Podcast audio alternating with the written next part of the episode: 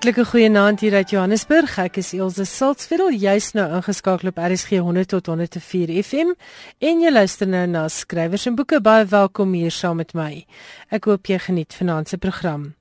In vanaand se program gesels ek met Annetjie Botha Du Plessis van Puka Uitgewers oor 'n splinternuwe bundel briewe wat die digter TT Kloete geskryf het aan sy vrou Anna. Die boek heet Die Groot Misterie van Twee Vroue en TT Kloete het dit begin skryf die dag wat sy vrou met nierkanker gediagnoseer is en dokters haar 3 maande gegee het om te leef. Gelukkig het sy nog 5 jaar daarna geleef, maar hy het 13 jaar lank aangehou om vir Anna briewe te skryf en hierdie is werklik een van die aangrypendste boeke wat ek hierdie jaar onder oë gehad het. Meer daaroor later. Dan gesels ek ook oor die kortlys van die South African Literary Awards wat verlede week bekend gemaak is. Daar's 'n onderhoud met Lien Botha oor haar besoek aan die Week van die Afrikaanse Roman in Nederland en natuurlik is Johan Meiburg bietjie later in die ateljee met sy gereelde insetsel oor die internasionale boeke nuus. En daar is iets vir almal, daar is die Nobelprys vir letterkunde en 'n nuwe boek oor Bridget Jones. Nou die kortlyste van die South African Literary Awards of die SALA toekennings. In die afdeling vir postume toekennings is daar twee nominante, naamlik Wyle TT Kloete vir sy lewenswerk en dan ook Chris van Wyk vir sy lewenswerk. In die poesie afdeling is daar drie name op die kortlys, naamlik Gilbert Gibson vir sy bundel Vry en dan ook Ethel Williams met Bumper Cars en Arya Salafranca met Beyond Touch. In die afdeling vir kortverhale is daar twee nominante, naamlik Dani Maree vir sy boek Prime Twak en Skadi Boxers en Sandra Hill met Unsettled and Other Stories. In die afdeling vir letterkundige vertalings is daar drie name op eintlik vier name op die kortlys Leon de Kok en Karen Schimke vir Flame in the Snow The Love Letters of Andre Brink and Ingrid Jonker wat natuurlik in Afrikaans vertaal is as Vlamme in die sneeu. Zirk van der Berg is benoem vir sy vertaling van Halfpad een ding en Kirby van der Merwe vir 'n huis vir Esther. In die afdeling vir letterkundige lewenswerk is daar twee benoemdes, professor Johan Lenake vir sy lewenswerk en ook Ingrid Winterbag vir haar oeuvre. Dan word daar ook 'n letterkundige toekenning gegee, die Kasello Duiker letterkundige gedenktoekenning. En hier is die benoemdes Willem Anker met buis, Chifia Given Mukwevu vir The Violent Gesture of Life en Panashi Chigumatsi vir Sweet Medicine. In die afdeling vir debuutwerk is daar twee benoemdes, François Smit is benoem vir Kampoer En die joernalis Ferial Hafaji is benoem vir What if there were no whites in South Africa. Dan is daar ook 'n kreatiewe nuwe-fiksie toekenning en die benoemdes in hierdie afdeling is Karel van der Merwe vir Donkerstroom en Jacob Dlamini vir Askari. Dan word daar ook tydens die toekenningsgeleentheid 'n voorsitterstoekenning gemaak, maar daarvoor is daar nie benoemdes op die kortlys nie. Dit is 'n prys wat die aand van die toekennings bekend gemaak sal word. Baie geluk dan aan al die benoemdes vir die South African Literary Awards, die SALA toekennings. Mag die beste mense wen en dis ook wonderlik om so baie Afrikaanse skrywers se naam op daardie lys te sien.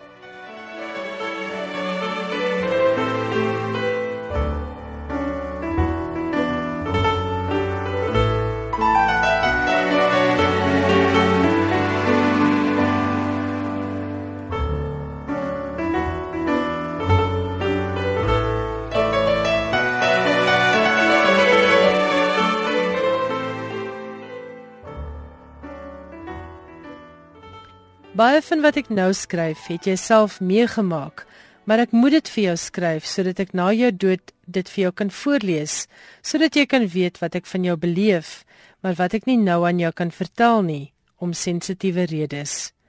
Daar in die vroeë lente van 2001 op pad na Makwaland en Handam toe om na die mooi blomme te gaan kyk in the Garden of the Gods Daar het 'n duidelike beginpunt gekom van die slow winding down, soos Robert Winston dit noem, van die einde. Daar is skokkende moment wat aftel na 'n beginpunt, nie 'n eindpunt nie, het gekom. 'n snaakse sirkel, soos langafstandatlete wat eindig waar hulle begin het, soms met teleurstelling of ontnigtering of voldoening en vreugde. Daardie dag het nou gekom, nadat die verhuisingsvrou by ons ingetrek het om saam met ons te kom woon. Sy wat aan die etenstafel saam met ons eet, saam met ons slaap en selfs oral met ons saamry. Ons het haar as ware ingepak in ons tasse toe ons hierheen gekom het en as ons hopelik huis toe kan gaan voor jou afreis, gaan sy saam met ons huis toe en dan sal ons 'n vertrek in ons huis aan haar moet afstaan en 'n sitplek in ons motor. Ons het die pinkie gegee toe jy 'n tyd gelede ongesteld begin raak het, maar sy gaan die hele hand vat. Sy gaan oral in die huis wees, in die meubels, in die eetgerei, in die lig, in die kos op ons borde, in ons klere, in ons wasgoed, in die vlee op ons korrelgoed, in die reuk van ons rose, in die water waarmee ons bad in die handdoeke waarmee ons ons afdroog in die kopkussings waarop ons slaap. Dis reg, die dood is 'n vrou. Soos geboorte 'n vrou se werk is, soos die mitokondriale Eva 'n vrou was, soos die vrugbaarheidsmites altyd oor 'n vrou gaan. Ek onthou haar aankoms, nie in ons huis nie, maar ver van ons huis af, toe ons op pad was na iets baie moois. Daardie aankoms het eintlik in ons huis begin, maar sy het haarself versteek en ons sigbaar saamgereis en eers op Appington haar aanwesigheid sigbaar gemaak op pad Blommevelde toe in 2001. Op die helder middaguur toe ons brandstof ingegooi het vir ons verdere reis.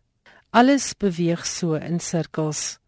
Haar aanwesigheid het begin met 'n reis en in baie mites eindig die lewe in 'n metaforiese reis. Dit is dan 'n gedeelte uit die tweede brief wat Wyle TT Kloete geskryf het vir sy vrou Anna pas na haar diagnose met kanker. Ek gesels nou met Annetjie Botha Du Plessis van Puka Uitgewers en Annetjie is natuurlik die vrou wat die afgelope paar jaar gesorg het vir pragtige publikasies oor die lewe en werk van TT Kloete. En vanaand gesels ons spesifiek oor die bundel briewe wat hy aan sy vrou Anna geskryf het en hierdie lieflike boek word genoem Die Groot Misterie van Twee Vroue, Briewe aan Anna. Goeienaand Annetjie en baie hartlik welkom by Skrywers en Boeke. Goeienaand Ilse, baie dankie. Annetjie, hierdie briewebundel is die derde boek wat by Puka Uitgewers verskyn wat te doen het met TT Kloete. Die eerste een was natuurlik uit die wit lig van my land gesny vir Anna. En dit is 'n digbundel wat handel oor sy vrou en hulle gesin.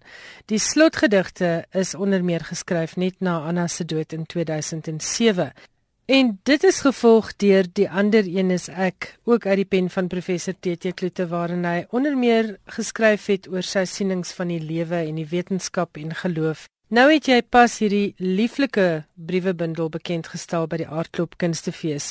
Maar vertel vir ons van jou pad saam met wyle professor TT Kloete. Waar het alles begin?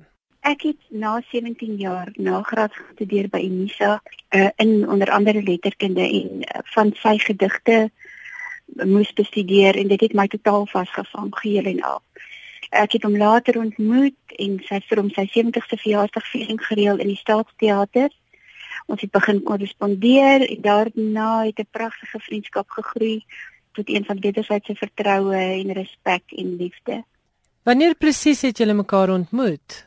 Aan die einde van die 80er jare. So dis regtig 'n dekade lange vriendskap. Ja, en dit was met gereelde korrespondensie en dan natuurlik die korrespondensie ter wille van die publikasie self. Annetjie, jy het vir my vertel dat jy eintlik nie verskriklik baie aandag gegee het aan die ander digters wie se werk jy moes bestudeer nie, dat TT Kloete jou absoluut aangegryp het. Kan jy onthou hoekom? Ja, dis nou seker nie iets wat die dosent my so. Ja, maar ek dink jou graad is um, veilig, so dis ek ek was net totaal woordeloos aangegryp deur sy werk veral allotroop wat geskryf is tydens sy geweldige siekte in die dekade waarvan hy praat wat hy so geweldig siek was. Dit is op 'n baie amper intieme manier wat hy hom self verwoord van die pyn wat hy dra en waar hy uiteindelik ook sê dankie heer uh, iets in die lyn. Dankie dat ek weer vanoggend my baard mag skeer of of waar hy homself vergelyk met 'n skilpad wat omgedoop is en vra dat God hom moet weer terugbring op sy pote, bring my op my pote tereg. En dan die baie verwysings na die pyn van Dawid en Job, na Beethoven, Al daai dinge het my geweldig aangegryp, veral sy musiekgedigte, omdat musiek my passie is, my totale passie is. Hoe het dit toe gebeur dat jy ook 'n uitgewer vir hom geword het? Hoe uit die wettig van my land gesny vir Anna gebeur het. Dit is 'n digbundokkie is hy het na die dood van sy vrou natuurlik baie swaar gekry soos wat ons uit die briewe aan haar ook sien. En ek was op 'n stadium in die Namibwoestyn en ek het hom geskakel en gevra dat ons 'n bundel uitgee met die gedigte wat hy aan sy vrou Anna geskryf het en aan die kinders. Hy was aanvanklik huiwerig, maar uh met die tyd het hy van die idee gehou. So het ons toe nou daarmee begin tydens die bundel se samestelling het hy vir my vertel dat hy briewe aan sy vrou skryf en dat hy dit begin skryf het die dag toe sy met kanker gediagnoseer is in Unitas Hospitaal en anders skryf het ook met haar dood aanvanklik sou dit uh 3 maande later gewees het dit was die diagnose van die medisy maar sy is 5 jaar later oorlede hy het haar in daai tyd bly skryf hy het dit genoem en ek het vir hom gesê kan ons nie van die briewe gebruik agter op die skit bladsye van die digbundeltjie nie. Dit het nou gebeur. Op daardie stadium het ek al gedink dit is iets wat baie spesiaal is en wat dalk gepubliseer sou kon word, maar ek het besef dit is net te intiem en te emosioneel en ek wou hom nie so blootstel nie. Later met die publiseringsproses van die ander een is ek die volgende boek wat ek van hom gepubliseer het, het ek dieselfde gedoen ter wille van konsekwentheid aan die een kant en ook omdat dit so ideaal was, ook uittreksels uit die briewe agter op die skryfbladsye van die ander een is ek. Teen daardie tyd het genoeg tyd verbygegaan dat die ergste hartseer dink ek verby begin gaan het en het hy gewoond geraak aan die gedagte van die publisering van hierdie briewe en ook druk van sy lesers wat dit gelees het op die twee boeke. So het ons dan begin dink aan die publisering van die briewe en het hy vir my sy manuskrip voorgelê vir goedkeuring. Daar het ons begin met die proses, die hele proses. Annetjie het vir my vertel dat jy eintlik nie verskriklik baie aandag gegee het aan die ander digters wie se werk jy moes bestudeer nie dat TT Kloete jou absoluut aangegryp het. Kan jy onthou hoekom? Ja, dis net seker nie iets wat die dosente vir my so. Ja, maar ek dink jou graad is um, veilig so. Dis Ek het ek het ek ek was net totaal totaal woord woordeloos aangegryp deur sy werk veral allotroop veral allotroop wat wat geskryf is tydens sy geweldige siekte in die dekade waarvan hy praat wat hy so geweldig siek was. En uh dit is op 'n op 'n baie op op 'n baie amper intieme manier wat hy wat hy hom self verwoord van van sy pyn, van die pyn wat hy wat hy dra en waar hy waar hy uiteindelik ook sê dankie Heer uh, iets in die lyn dankie dat ek weer vanoggend my baard mag skeer. Of of waar hy homself vergelyk met 'n skilpad wat omgedop is en vra dat God hom moet weer op sy op terugbring op sy pote. Bring my op my pote tereg. Hmm. Iets in die lyn. Ehm um, en dan die baie verwysings na die pyn van Dawid en Job na Beethoven.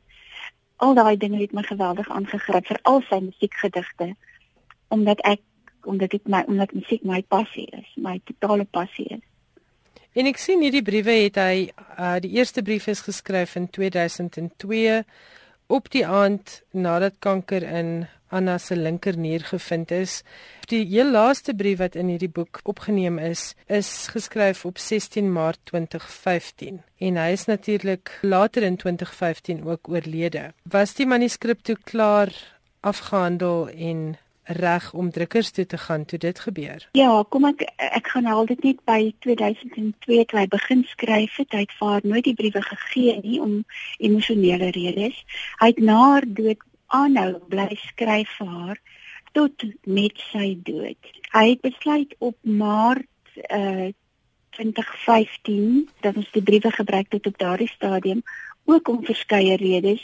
Die hoof, hoofsaaklike daarvan is een of ander tyd sou moes ophou uh sodat ons die boek kan publiseer en ook omdat Maart uh, die tyd was wat dit gediagnoseer is dat sy kanker het. En daarna elke jaar in die briewe verwys hy elke Maart maand na daardie tyd. Dit was vir hom 'n logiese plek om af te sluit. Hy het wel na hierdie briewe wat ge gepubliseer is, het hy bly skryf, maar ons het dit nou gepubliseer tot in Maart. Anetjie, ek wil sommer net sê iets van hierdie bundel briewe wat TT Klute aan sy vrou geskryf het, het my laat dink aan C.S. Lewis se boek A Grief Observed en ek dink is 'n wonderlike ode aan die liefde, maar dit laat 'n mens ook anders kyk na die dood. Jy was baie emosioneel ja. oor die bekendstelling van hierdie hierdie bundel. Hoe baie werk gaan in die saamstel van so 'n boek in? daar het vir my geweldig baie werk in gegee. Ek weet nou nie hoe dit normaalweg by ander uitgewers gaan nie. Ek is 'n een man uitgewer wat van inisiering, redigering uh uiteindelik die onderhandelinge met almal betrokke en die bemarking alles alleen doen. So uit die aard van die saak is dit vir my geweldig baie werk. Toe hy vir my die manuskrip gegee het, was dit in 'n redelike beginstadium. Uh ons het daaraan saamgewerk en kort voor sy dood het hy vir my die laaste redigering goedgekeur. Maar hy het wel gesê hy sou dit graag nog 'n slag wou deurlees wat hy nou nie kon nie en ek het vir hom na die plooi gevra om dit te doen omdat hy sy werk baie goed ken en steeds bestudeer. Wat het al hierdie samewerking met TT Klute jou geleer op 'n persoonlike vlak? O, jene, dit is daaroor sou ek 'n boek ontskryf behalwe vir die feit dat ek nie woorde het daarvoor nie. Want dit dit is 'n geweldige invloed. Hy het vir my in hierdie bepaalde briewe het hy vir my 'n totale nuwe blik op die dood as 'n kreatiewe energie gegee wat ek dink vir almal van ons iets sou kon beteken want almal van ons gaan een of ander tyd daarmee gekonfronteer word. Maar deur sy vriendskap en liefde deur al die jare, maar veral in die ander briewe het hy vir my die strewe bevestig om steeds die misterie van die lewe in verwondering te probeer deurgrond. Deur sy heilige nuuskierigheid en sy onversadigdheid, twee van sy bundels se titels, wat 'n permanente ingesteldheid by hom was. Sedert hy verlam is met polio toe hy 19 was, toe het hy besluit hy gaan voluit lewe, het hy hierdie oneindige nuuskierigheid gehad wat hy tot die dag met sy dood glo ek behou het en waarvan ons lees in sy digbundel en in die ander een is ek veral en die ander een is ek praat hy van die wonder dat ons wat vel en been en murg en bloed is kan transcendeer in die wonder van gedigte skep, kunste waardeer, musiek kan waardeer en skep, die wetenskap kan, kan beoefen dat ons kan glo en hoop en kan lief hê en dit is net 'n voorbeeld vir ons almal. Tot op 91 was hy 'n voorbeeld vir almal om hom. Jy doen baie moeite met die uitgee van jou boeke. Dit is bibliofiele uitgawes. Hierdie is soos die ander een is ek se gedenkuitgawe ook genommerde kopieë. Hoekom doen jy soveel moeite om hierdie boeke spesifiek so mooi uit te gee? Kyk, dit is 'n ek is 'n nis uitgewer. Ek wil dit baie spesiaal maak om een groot rede en dit is dat die die voorkoms van die boek, die inhoud en die outeur waardig moet wees en moet respekteer. Ek wil nie 'n boek uitgee wat van die oomblik wat jy hom in jou hand vashou en nie dalk weet wat wat is die belangrikheid daarvan nie. Ek wil dit so mooi as moontlik maak. Anetjie, dit het jy reg gekry met sowel die ander een is ek van TT Kloete, die gedenkuitgawe oor sy lewe en werk en ook hierdie nuwe boek, Die Groot Misterie van Twee Vroue, Briewe aan Anna, waarin jy sy briewe aan sy vrou byeengebring het. Anetjie, die voorblaaie van jou boeke is ook almal baie besonder. Wil jy vir ons iets meer vertel oor die ontwerp van die voorblaaie? Ja, ek probeer so ver moontlik 'n mate van eenheid skep in die publikasies omdat dit al gelyktydig ook gebeur het, die skryf daarvan, die verloop daarvan. In die digbundeltjie uit die witlig van my land gesny, op die voorblad het ek 'n foto van sy vrou Anna in 'n kamee geplaas. Die titel van die bundel is in sy eie handskrif. Die kleur van die omslag is parelagtig. Die ander boeke is ook parelagtig. Die kamee gedagte het ek deurgedra na die briewe. Maar in hierdie geval het ek 'n haarlokkie binne die kamee. Die rede daarvoor is dat uh, Titi Kloete het reg deur die briewe gepraat van die haarlokkie wat hy van haar hare afgesny het toe sy nog in die skool was en al die jare al die jare van sy lewe in 'n beursie by hom gedra het. Was hulle skoolliefde? Dit was 'n skoolliefde. Hoe besonder? Sy het hom gedra deur die tyd wat hy wat hy verlam geword het, wat hy vir 'n jaar lank bedlêend was en vir 'n jaar lank daarna moes leer loop en uiteindelik is hulle getroud. Wat vir hom ook 'n wonder is wat in die briewe uitkom, dat sy dit gedoen het en dat hy nou, toe sy siek was, bereid was om alles vir haar te doen want sy het haar lewe lank soos hy dink dit opgeoffer.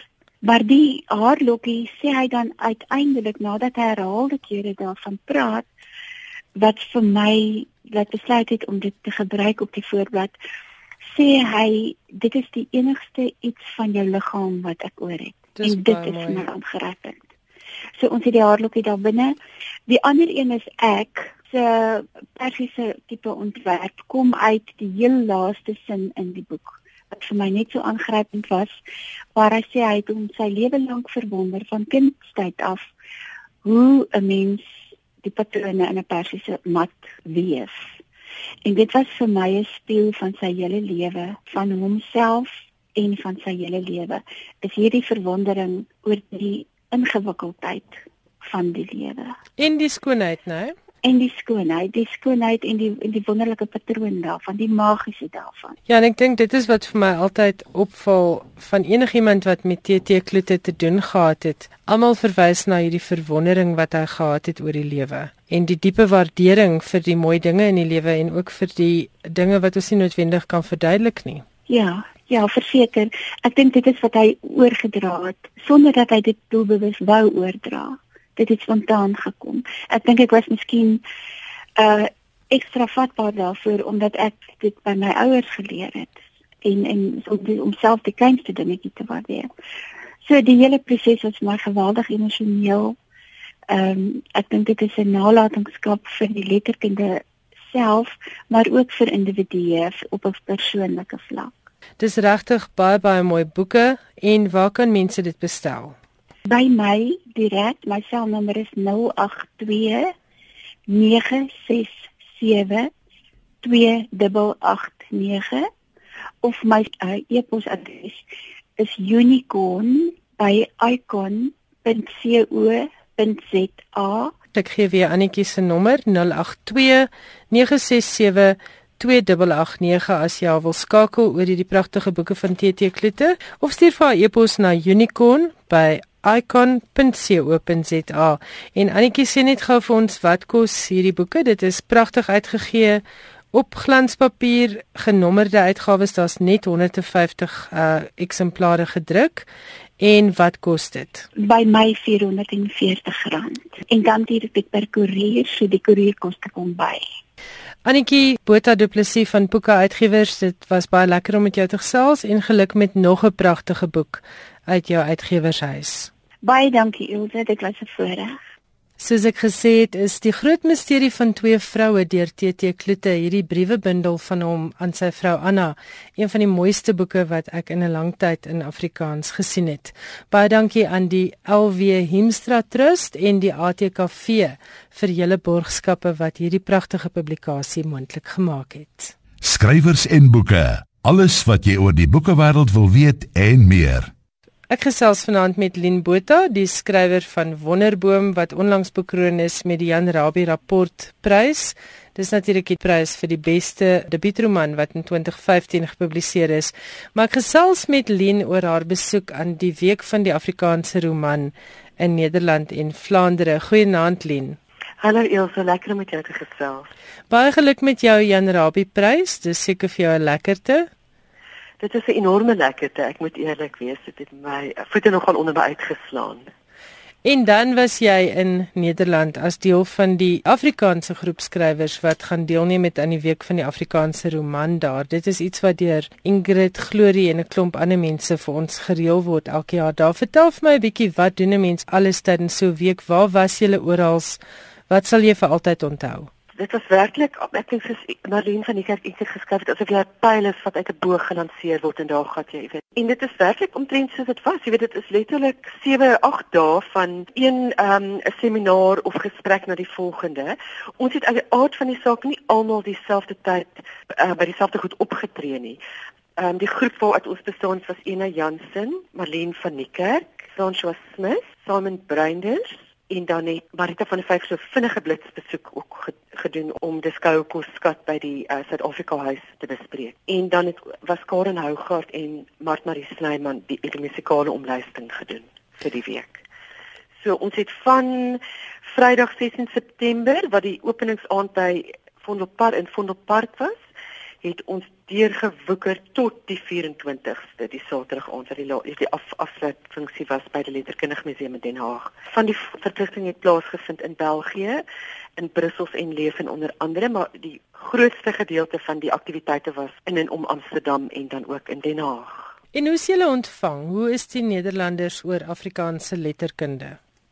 O, dit is uiters gul. Hulle is so gul. Ek was eintlik uit die veld geslaan om te dink dat ons hier nou by die krisis wat aangaan oor die taaldebat en so dat daar 'n groep mense is wat dit so min ag 'n uh, 'n kulturele skat, jy weet wat so lank gevat het en, om tot stand te kom en dat jy gaan na die lae lande en hulle absoluut omarm dit. Jy weet dit is hulle soos 'n klein noot. Dis hulle wil dit beskerm. Dit sê dit is my nogal ironies eintlik. En dan ook dat jy in in Europa kan wees en jy kan die taal, jy kan Afrikaans praat, jy weet, en jy kan Vlaams en en Nederlands verstaan. So hoekom hier dan so spoeg teen dit? Jy weet. Mm, mm. Hoekom dit nie net laat vloei en laat gaan en jou jou jy weet uitsit vir meertaligheid. Jy weet soos die skrywer van Land of the Fathers met wat ook met ons gepraat het Wamba Sheriff dat wanneer jy aan wêreldliteratuur en meertaligheid blootgestel is, dan is gee dit jou so bewustheid van die diversiteit in die wêreld. So om daar goed nou te begin afbaken en toemaak en afsluit is is eintlik nogal Dis kortsigtig, dis kortsigtig om die minste te sê. Ja, nou. ja. En dis interessant soos jy sê dat 'n ander land soveel moeite doen om 'n taal te beskerm en uit te bou en te help voortbestaan terwyl 'n groep Afrikaners skynbaar so min omgee. Ja, dit was vir my nogal iets wat ek, jy weet, die gedagte op die water laat lê so so tussendeur al die aktiwiteite. Maar maar absoluut ongelooflik. Ek moet sê Ingrid Glorie is fenomenaal. Ek weet nie hoe sy al die luisters bymekaar hou nie. Die logistieke is erg en en dis hierdie rigting en daardie rigting en dan het sy en dan sal heelwat vrywilligers, jy weet, soos Maurice Jorissen en Rolie Willems en ek dink aan ehm um, Elise Zorgman en en daar was ehm um, ek dink net van iemand Jente Reberger daar was soveel mense wat ek dink eers teen skrale betaling indien wel jy weet geassisteer het al of dit nou met vervoer was of help met die verkoop van boeke so dit is 'n dis 'n klein maar kompakte energieke groep mense wat hierdie ding uh, ja ek dink dis 'n goed geoliede masjien hoor Goed en en julle het boekwinkels besoek. Julle het by funksies met mense gepraat oor die Afrikaanse letterkunde. Wat het julle nog gedoen? Omdat ek 'n jy weet primêre visuele kunsagtergrond het, het, het my rigting bietjie jy weet op 'n ander op 'n ander kursief geloop. Ek moes byvoorbeeld onder andere praat by Pakhuis de Zwyger, die donkere kamer nommer 29. Dit is fantasties hulle het dit so ek dink 4 of 5 keer per jaar ek het gehoor van 300 mense wat almal net belangstel in fotografie. Mm en al die fasette daarin. So dit was fantasties want daar was ook 'n fotograaf uit Sirië wat onlangs, jy weet, oorgevlug het Nederland toe, Isa Tuma, het gepraat oor Sirië en ek dink 2 of 3 jaar later is Aleppo gebombardeer tot in jy weet tot in die sy fondasie. Ja, dit hou nie op nie, né? Dit hou net nie op nie. Ja, so om jy weet eerstens met so 'n fotograaf ook te kan kennis maak en dan Merel Ben wat 'n skrywer is wat interessant werk met met uh, kuns en en teks en die diskurs daaroor. So dit was my baie nou, dit was vir my interessant dat ek het amper heeltyd amper aan die kant op 'n kant geskuif tussen teks en beeld. Jy weet soos mens maar doen. En dan gaan bijvoorbeeld Frans hulle weer dan na 'n ander um, event wat hulle moet bywoon of ehm um, ek dink by die Suid-Afrika huis met sy heel wat praat oor kampoer of Marlene het 'n ander ding aan op 'n ander punt. So ek dink dit was ook goed dat daar baie keer dit was almal saam aan iets deelgeneem, soos byvoorbeeld die laaste Vrydag by die Universiteit van Amsterdam, die groot seminaar daar en dan donderdag in in Brussel was daar ook 'n groot ding by die buren waar meeste van ons teenwoordig was, maar dit was interessant dat mense amper so verby mekaar geskryf het van tyd tot tyd dan was daar oor vleelings en en dit was net ja, weer eens deel van Ingrid se fenominale kapasiteit om goed, jy weet, goed bymekaar te sit wat ek dink sin maak en gepas vir daai individuele skrywer en die se gehoor al dan nie. En is al julle funksies goed bygewoon? Dit is goed bygewoon. Dink van die goed was uitverkoop. Ek dink François se gesprek vir op een stadium by Suid-Afrika was uitverkoop. Marita se uh, fliek was uitverkoop. Die seminar was vol. Ehm um, ook Saterdag by die Letterkundige Museum Den Haag was volgepak. O, en ek dink Marlene het opgetree by die Nag van die Poesie vir 2000 mense. Sure. En sy was absoluut 'n treffer. Jy weet so Dit is as jy dink daar's 2000 mense wat na poesie gaan luister. En ons sukkel om 20 mense by 'n gratis kunstefees uh poesieprogram ja. te kry. Jy weet dit is absoluut jy kan jou hande in jou hare sit. Ek dink kry die idee dat hulle voel amper so bietjie soos 'n beskermheer oor Afrikaans, jy weet. Ja, dis wat ek nou vir jou wou vra. Hoekom dink jy is daar hierdie aktiewe be belangstelling in Afrikaans? Ja, dit is dit en ek dink ook vir hulle die wisselwerking is baie belangrik ook vir hulle tale, jy weet vir Vlaams en Nederlands. Want as jy dink vir hoeveel ek dink aan Tom Lanois net vinnig en Daniel Hugo se werk met die vertalings, dit is soveelvuldig. Daar word soveel van hierdie skrywers se werke terugvertaal vertaal na Afrikaans mm. toe. So dit is uit die aard van die saak 'n simbiotiese verhouding. Weereens bou dit nog verder jou leesverkapasiteit uit. Dit maak tekste beskikbaar. Is julle boeke vertaal vir hierdie week of koop die Nederlanders dit dan nou in die Afrikaanse vorm en lees dit so? Hulle koop nogal die Afrikaans, hoor, maar daar is heel wat ek dink Marlene se van Marlene se Agatha is natuurlik ja. vertaal, Kampoorus vertaal, ehm um, Simon Breinders se ehm um, die saadboek is vertaal. En ek weet hulle is baie lief vir Irma Joubert en daar's 'n paar gunsteling skrywers wat hulle in Afrikaans reeds geïdentifiseer het. Ja, absoluut en ek dink ook Sanet Paul doen is ook ja, ja. goed daar. En dan uit die aard van saak mense soos Brink en ehm um, Breitenberg en so wat gereeld ook bring nog gelewe het, jy weet, ehm um, gereeld daar bes, besoek afgelê het. So dit is 'n wonderlike, ek dink dit is 'n baie wonderlike gesprek wat aanhou, jy weet wat. Mm. En 'n nodige gesprek. Ja, nee, absoluut. Want die pogings bly nog steeds om van Afrikaanse wêreldtaal te maak en daarin speel die vertalings na Nederlandse baie groot rol. Ja. Len op 'n ander noot is jy besig om weer te skryf? Weet jy ironies genoeg ek is, ek weet dit gaan maar dit gaan maar ehm um, stadig, maar ek het so 'n paar dae gelede net toe die stof van die reis nou se begin lê, het ek besef ek het my eerste ek het my eerste paragraaf klink klaar gevind daar in die van Gogh museum in Amsterdam daarna by die jy weet die dokumentasie oor die feit dat dit die volledige oor is wat toe afgesny is in die stuk nie. So as dit nie 'n wegspringplek is vir 'n volgende boek nie, dan weet ek nie. Ja, dit klink interessant. En wat se wat se formaat gaan dit wees? Wel of of ek weer met met visuele materiaal gaan werk. Ja, en en of dit weer 'n roman gaan wees of gaan dit byvoorbeeld 'n spanningsroman wees of wat se genre gaan jy inwerk? Ek gaan heelwat spanning hê, maar ek dink jy gaan fokus op 'n spanningsroman per se nie. Daar's soveel mense wat dit so meesterlik doen in Suid-Afrika.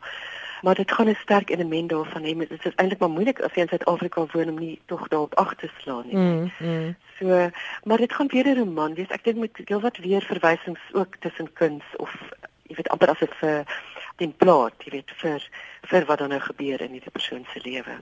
En dit het begin eintlik in Amsterdam en trek terug na Suid-Afrika toe waar die groot verhaal eintlik afspeel dat Amsterdam net net 'n spelletprik was, jy weet. Ja, ja, die wegspringplek, die die duikbord kan 'n mens anders sê. Baie voorspoed daarmee. Ek weet skryf is 'n baie eensame werk. Jy weet dit goed, né? Nee. Maar gelukkig het jy daarom nog jou fotografie ook wat jy wat jy seker in meer kontak bring met mense as wat jou boek skrywery doen. Inderdaad, ja, ek is baie dankbaar daarvoor. Dit was Lien Botha, Lien baie dankie vir die deel van jou ervarings daar in Nederland tydens die week van die Afrikaanse roman en soos ek sê lekker skryf van jou volgende roman. Dankie Elsje, ek waardeer dit hoor. Skrywers en boeke. Elke Woensdag aand tussen 8 en 9. Johan Meiburg, baie welkom in die ateljee. Dis tyd vir jou weeklikse insetsel oor die internasionale letterkunde die dinge in die internasionale boekewêreld en jy skop sommer vanaand af met lekker nuus vir alle Bridget Jones aanhangers. Dis reg. Maar eers dit was die aankondiging van professor Sarah Danius, permanente sekretaris van die Swetse Akademie wat die wêreld aan die praat gesit het.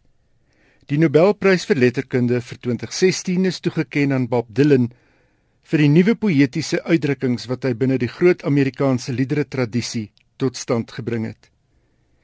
Die aankondiging op die perskonferensie in Stockholm is met verbasing en senuagtige applous begroet, maar later toe almal eers tot verhaal kom, het die verdeelde reaksie veral op sosiale media duidelik geword. Daar was die wat gemeen het Dylan verdien die Nobelprys. En dan was daar die wat spottenderwys ook wou weet of Dolly Parton ook nou 'n aanspraakmaker op die gesogte prys kan wees. Hoe ook al, die Switserse Akademie gaan nie sy besluit verander nie.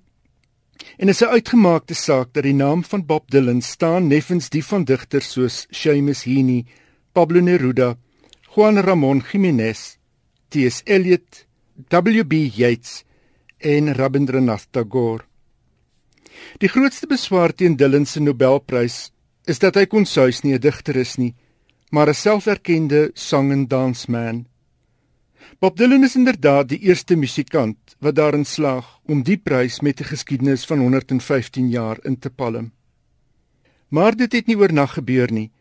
Hoewel die Swetse Akademie bra onafhanklik is in sy besluite oor wie die prys moet kry, en geen kortlys onmiddellik bekend gemaak word nie, is Dylan se naam gewis saam met die van baie ander die afgelope 20 jaar jaarliks genoem as 'n moontlike kandidaat. 'n Mens kan dus nie so uit die veld geslaan wees oor die aankondiging nie. Eweneens staan die besluit ook nie los van 'n tydsgees waarbinne hy waarskynlik beoordeel is nie. Net soos Winston Churchill nie losgestaan het van 'n tydsgees toe hy in 1953 die Nobelprys vir letterkunde gekry het nie. Ek meen nie Churchill lê op elke tweede bedkassie nie. Terloops, Churchill se mededingers daardie jaar, die dokumente van die Swetse Akademie word 50 jaar later bekend gemaak, was niemand minder nie as E.M. Foster, Ernest Hemingway en Juan Ramon Jiménez. Maar terug by Dylan. Gordon Ball, akademikus tans verbonde aan die Universiteit van Washington asook die Lee Universiteit en kenner van onder meer die Amerikaanse beat generasie, het in 1996 die eerste keer in 'n voorlegging aan die Swetse Akademie Dylan as 'n Nobelkandidaat aangeprys. In 2007 het hy Dylan se werk as volg beskryf: Poesie en musiek het nog altyd 'n gemeene deler gehad, van die Grieke tot Ezra Pound tot Allen Ginsberg. Hoe jy Dylan se werk ook al wil kategoriseer, die literêre kwaliteite is uitsonderlik. Die kunstige idealisme het bygedra tot sosiale verandering Op kulturele, politieke en estetiese vlak het hy die lewe van miljoene verryk en daar is baie vooraanstaande stemme wat dit kan beam. Duidelik gaan mense verskil oor die kwessie of Dylan die Nobelprys moes kry of nie, wat nie 'n slegte ding is nie. Oor 50 jaar, wanneer die 2016 kortlys bekend gemaak word, is dit dalk meer algemeen duidelik waarom Dylan vanjaar die Nobelprys vir letterkunde gewen het. Die aankondiging is donderdag gemaak. Donderdag aand het Dylan in Las Vegas opgetree en nie 'n woord gerep oor die aankondiging nie. Na die konsert het die skare ouer gewoonte gevra vir nog. En toe het hy as toegif Frank Sinatra se Why Try to Change Me Now gesing. Gaan Dylan die Nobelprys aanvaar? Dis die volgende vraag. Sê gou vir my, weet ons wie is die keurpaneel gewees of hoeveel mense is op die paneel wat besluit? Dit het ek nie. Maar dis ook nie algemeen bekend gewoonlik nie, nee, dit is Mense sou seker daarvoor kon gaan soek. Uh, ek het nie. Okay, want ek het nêrens in die pers gesien wie het behalwe nou vir die aankondiging ja. het ek nie gesien wie was op die paneel. Wie, wie was op die paneel nie. Daar was sprake gewees dat hulle onderling gestry het, het daarom dat die datum uitgestel is. Maar hulle het dit ontken. O ja, en nou gaan nie ek of jy oor 50 jaar kan weet wie met wie hy meegeding nie, nê? Waarskynlik nie. Ai tog. Okay. Wat's volgende op jou lysie? Ngugi wa Thiong'o, die Keniaanse skrywer wie se naam die afgelope paar jaar al genoem word as 'n moontlike Nobelpryswenner, het weliswaar nie die pyp van jaar gerook nie, maar is pas vereer met die Pak Kyong Ni prys vir letterkunde.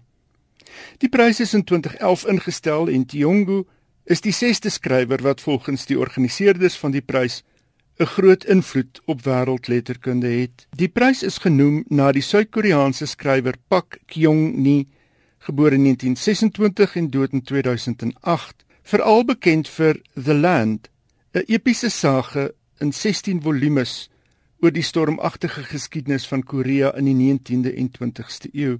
Die 78-jarige Kyong-go deesdae professor in die departement vir gelykende letterkunde en Engels aan die Universiteit van Kalifornië, het sy eerste roman Weep Not Child in 1964 uitgegee onder die naam James Ngugi.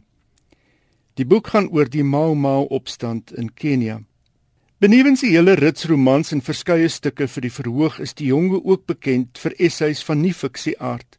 In 1986 het sy bekendste boek, Decolonizing the Mind: The Politics of Language in African Literature, verskyn. Die boek bevat insiggewende perspektiewe oor taal as bekamper van sowel as bevorderaar van imperialisme en as steelaarde vir neokolonialisme in Afrika.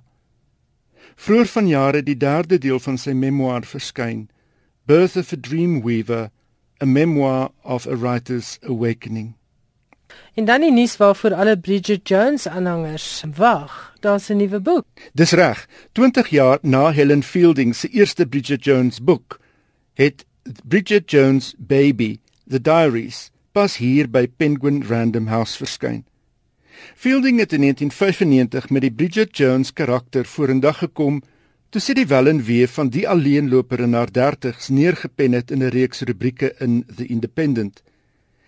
Die rubrieke het die draak gesteek met sommige vroue se behepte met vroue tydskrifte soos Cosmopolitan en ander sosiale neigings in Brittanje in die 90's. Uit die rubrieke het 'n roman gevolg in 1996 'n opvolg in 1999 Bridget Jones The Edge of Reason en in 2013 Bridget Jones Mad About the Boy. Al drie boeke was wêreldwyd treffers en is in meer as 40 lande uitgegee. Soos die eerste 3 boeke gaan oor die gaping tussen hoe mense meen hulle eintlik behoort te wees en hoe hulle werklik is, gaan hierdie 4de boek volgens die uitgewers oor die gaping tussen hoe mense dink die lewe moes gewees het en hoe dit in werklikheid is. En daar is reeds 'n film met dieselfde naam. Die boek wyk blykbaar 'n klein bietjie af van die rolprent. Ek het dit nie gesien nie, maar dis nie dis nie heeltemal dieselfde. Maar in elk geval, die boek is altyd net so veel lekkerder as die rolprent. Inderdaad so. Ja, en baie dankie. Ons praat binnekort weer. Dis dan al van my kant af. Ek is Elsje Salzwetel en volgende Woensdag aan die 26ste Oktober hou ons regstreekse boekbekendstelling. Dan gesels Chris Karsten met my oor sy splinternuwe spanningsroman Die dood van 'n goeie vrou. Nou sy aanhangers sal weet dit is nogal spesiaal om vir Chris in Suid-Afrika te verwelkom want hy woon al 'n hele paar jaar in Kanada.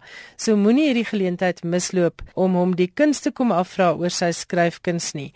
Volgende Woensdag aand 08:30 by Graffiti Boeke in Menlyn Mine Pretoria. Dit is 'n splinternuwe boekwinkel. Julle onthou vir Graffiti wat altyd by Linwood Bridge was en hulle het nou uitgebrei. Dit is 'n lieflike winkel kom maak gerus se draai. Dan is Chris Karsten daar. Hy gaan boeke teken. Matthys Roos gaan sorg vir musiek en Sue Pyler gaan vir ons voorlees uit Die dood van 'n goeie vrou. Ek het dit die naweek begin lees en aanhangers van Chris sal beslis nie teleurgesteld wees nie. As jy nog nie 'n kaartjie het nie, dit kos R60 per persoon. Dit sluit natuurlik 'n glasie wyn in en ietsie te ete.